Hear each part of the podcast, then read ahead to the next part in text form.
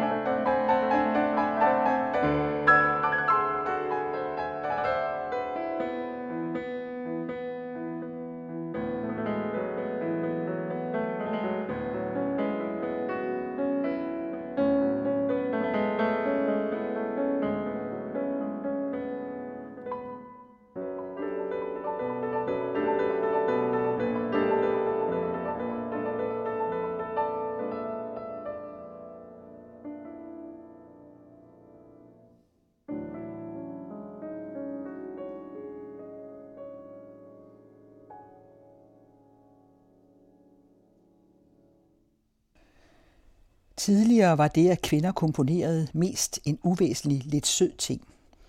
Ikke, at man ikke kunne se noget i det, men alligevel var det ikke noget, man tog sig af eller regnede for noget.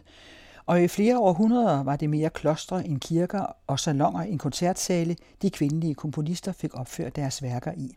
Og det var i den lille skala. Klaverstykker og sange, cembalo, lut, guitar og eventuelt kammermusik. Så der er så utrolig få værker af kvindelige komponister igennem tiderne – men der er nogen.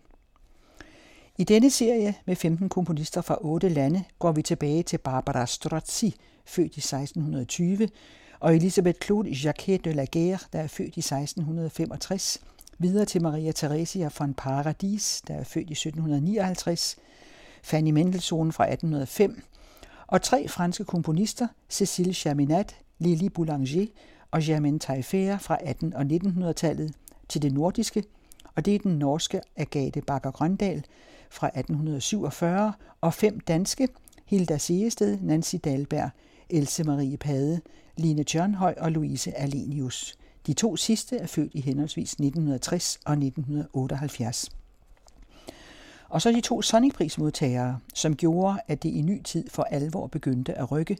Den tatar-russiske Sofia Gubaidulina, født i 1931, og finske Kaja Sarjahu, født i 1952.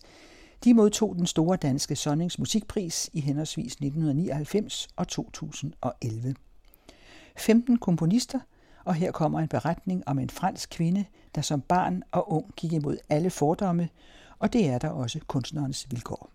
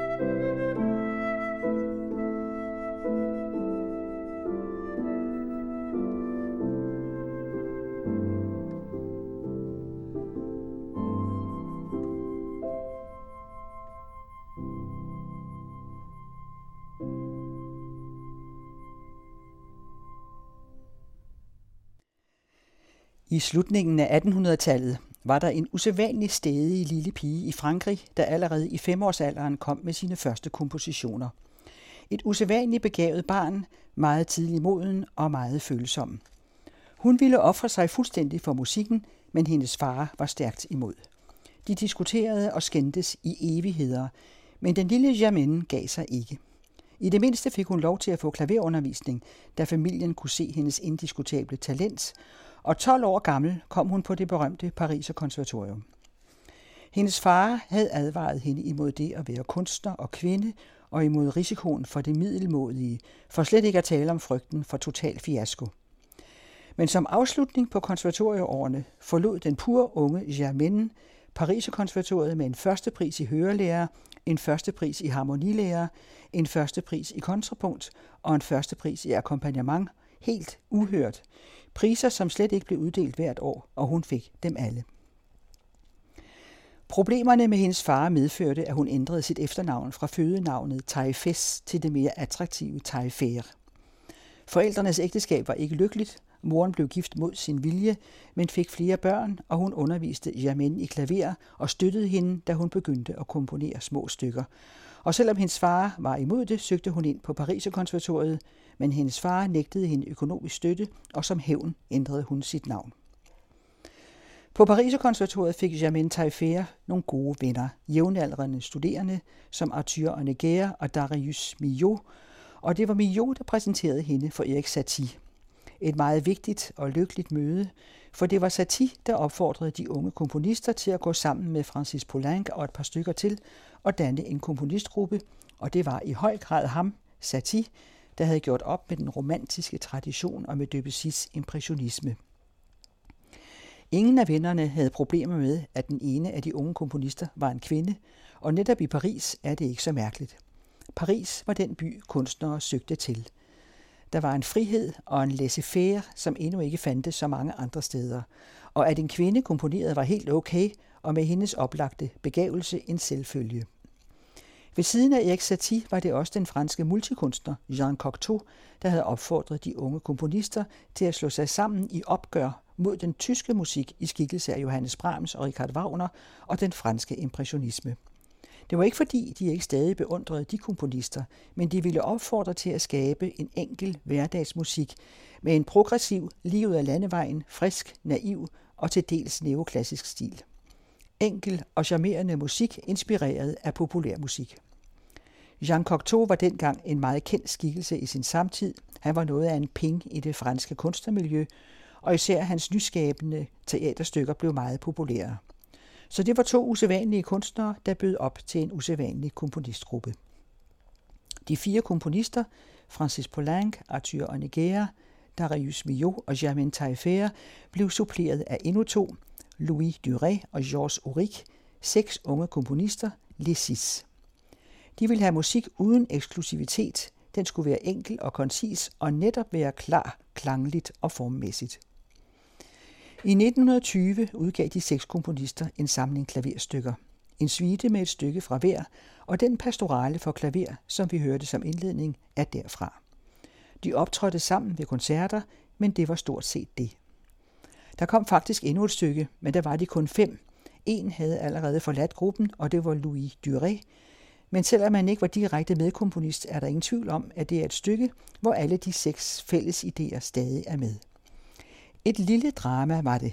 Det foregår ved en bryllupsfest ved Eiffeltårnet, som bliver afbrudt af en cyklist, af en jæger på jagt efter en strus, af en løve og af en badegæst. Gang i den i Paris dengang i 1921. Le Marie de la Tour Eiffel var en ballet, en farse, hvor en pukkelrykket fotograf prøver at tage billeder af bryllupsfesten. De unge komponister komponerede hver en sats eller en scene, og det er en reel udstilling af musikalske idéer fra gruppen. Et af Germaine Taillefers stykker er Vals de Depeche, telegramvals.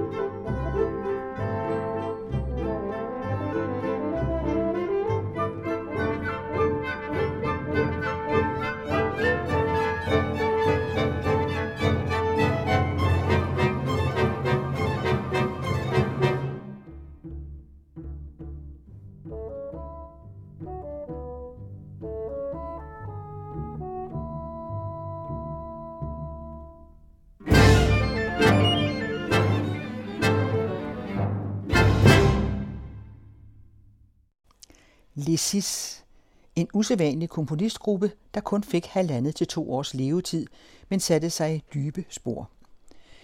I begyndelsen af 1920'erne tilbragte Germaine Taillefer meget tid sammen med Maurice Ravel i hans hjem i Montfort-la-Marie uden for Paris. Han var meget interesseret i Stravinskis musik og i de idéer, Lesis var kommet med, og han gav Taillefer gode råd om instrumentation og komposition. De tog på mange og lange cykelture i omegnen, efterfulgt af lange lektioner, hvor hun spillede for ham. Efter nogle år stoppede kontakten pludselig. Hun så ham aldrig mere og fortalte aldrig nogen, hvad grunden var. I 1925 giftede Germaine Taillefer sig med den amerikanske karikaturtegner Ralph Barton og flyttede ind i hans lejlighed på Manhattan i New York, og som en lille detalje blev hun igennem ham gode venner med Charlie Chaplin. Der komponerede hun sin concertino for harpe og orkester, som hun tilegnede sin mand, men der genoplevede hun sin far og hans modstand imod hendes vilje til at komponere, for hendes mand brød sig ikke om, at hans kone var en seriøs komponist. Så det blev svært for hende at komponere, mens hun var gift, og det holdt jo heller ikke. Han var så også maniodepressiv, og kort efter de var blevet skilt efter fire års ægteskab, begik han selvmord.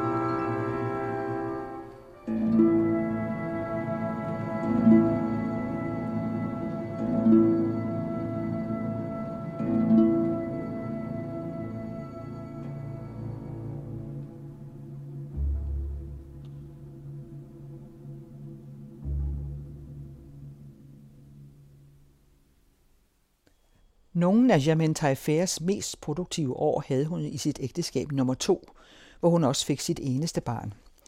Hendes anden mand var den franske advokat Jean Lagier, men for at det ikke skal være løgn, så brød han sig heller ikke om at have en kone, der komponerede. Han var meget kritisk over for hendes musikliv. Men på trods af det komponerede hun det ene værk efter det andet i de år i 1930'erne. I forlængelse af sin første skilsmisse komponerede hun seks franske sange til tekster fra 1400 til 1700-tallet om kvinders problemer i visnede forhold, og hvor hver enkelt sang var tilegnet en af hendes veninder. Et klart udtryk for feminisme blandt hendes værker. Blandt de værker, hun skrev i sit nye ægteskab, var en komisk opera, en suite for kammerorkester, en violinkoncert, en concerto grosso for to klaverer, en saxofonkvartet, otte stykker for solostemmer og orkester og dertil filmmusik. 2. verdenskrig blev et stort problem for Germaine Taillefer og hendes 11-årige datter Françoise. De blev nødt til at forlade deres hjem, som på det tidspunkt var i parfumebyen Græs, for at komme til USA. De rejste gennem Spanien og Portugal og fik chancen for at komme på et skib til USA og tilbragte krigsårene i Philadelphia. Det eneste, hun komponerede i de år, var et Ave Maria for damekor a cappella, som blev uafført på et universitet og derefter gik tabt. I 1946 kom de tilbage til Græs og til hendes mand. Deres forhold var stærkt forværret, men de forblev gift nogle år endnu og først skilt i 1955, samme år som deres datter fik en datter. Jamin Taillefer skrev mange værker, deriblandt en del balletmusik, en af balletterne blev uafført på Opera Comique i Paris og blev flot anmeldt, og en anden, Parisiana, blev bestilt til og uafført af den kongelige ballet i København i 1948. En af hendes operaer er en radiokammeropera, La Petite Sirène, bygget over H.C. Andersens Den lille havfrue. Det var i 1957, men her skal vi høre en pas de deux fra Parisiana for klaver.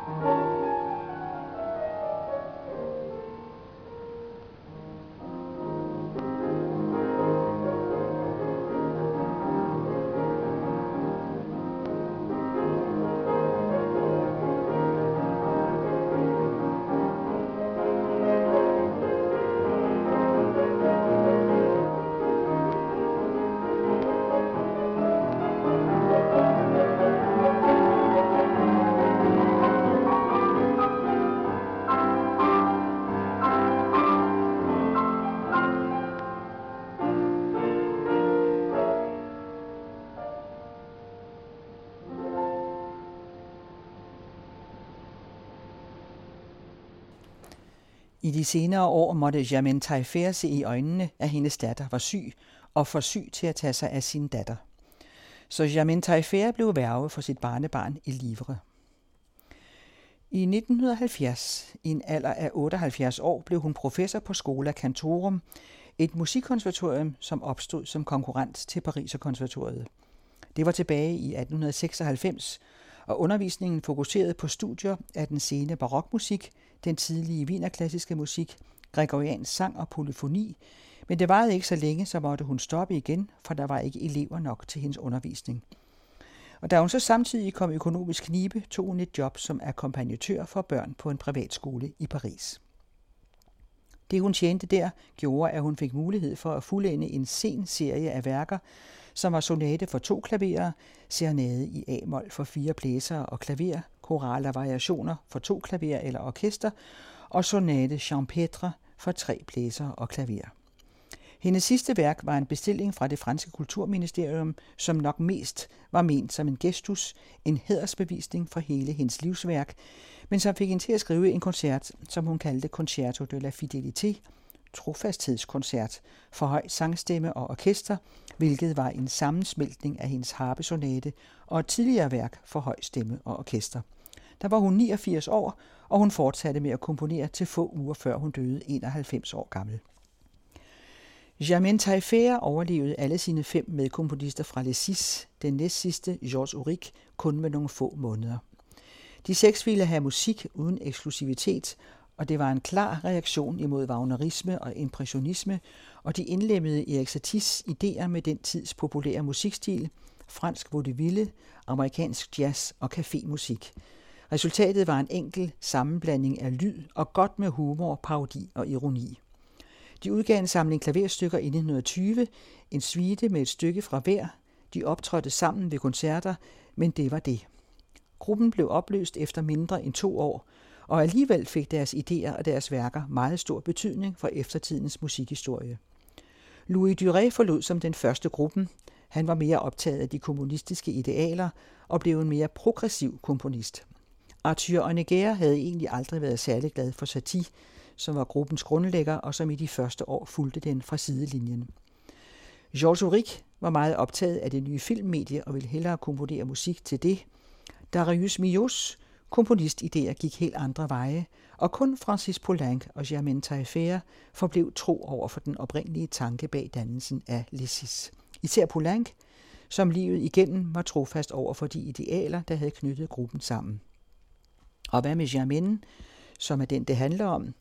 Ja, hun var trods sine enorme talenter usikker på sin egen formåen, og det til trods for, at hun via Lessis satte sig i varige spor, en mærkelig skæbne. Hun har en meget stor produktion i alle genrer. Hun fik sine værker opført, mens hun levede, og med stor interesse. Hun eksperimenterede med forskellige raffinerede instrumentkombinationer, som sådan set går tilbage til Ravel, som hun jo også studerede hos.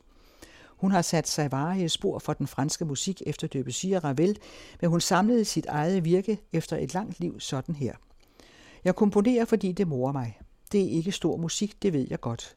Det er musik, der er munter og let, og det er der sket, at jeg er blevet sammenlignet med de mindre komponister fra forrige århundrede, og det er jeg meget stolt af. Lidt ærgerligt, at en så begavet fransk kvinde, helt fremme i skoene i Europas musikliv som ganske ung i 1920'erne, udtalte sig sådan sent i sit liv, efter 68-oprøret, for hun døde først i 1983, da hun var 91.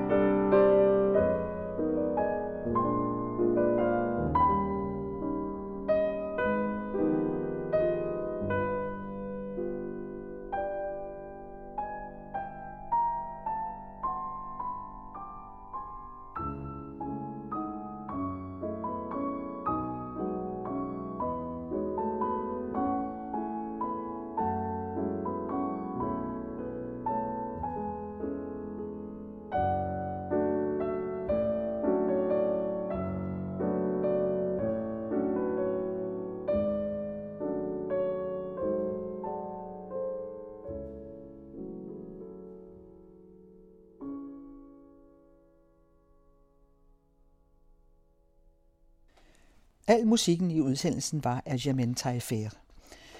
Pastorale, som Bent Forsberg spillede. Endnu en pastorale, denne gang for fløjte og klaver med Emily Banon og Andrew West. Vals de Depeche Telegramvals med ensemble Erwartung, dirigeret af Bernard de Grupp. Anden sats af Concertino for harpe og orkester med Nicanor Zabaleta med det franske nationalorkester, dirigent Jean Martinon. Ross Carey spillede en pas de deux fra balletten Parisiana, og til sidst var det Valslande, spillet af Alexandre Tarot. Det var Kirsten Røn, der fortalte om Germaine Taillefer, den første kvindelige komponist i denne serie ud af 15. Den næste er også fransk, men hun levede 250 år tidligere, Elisabeth Jacquet de la Guerre.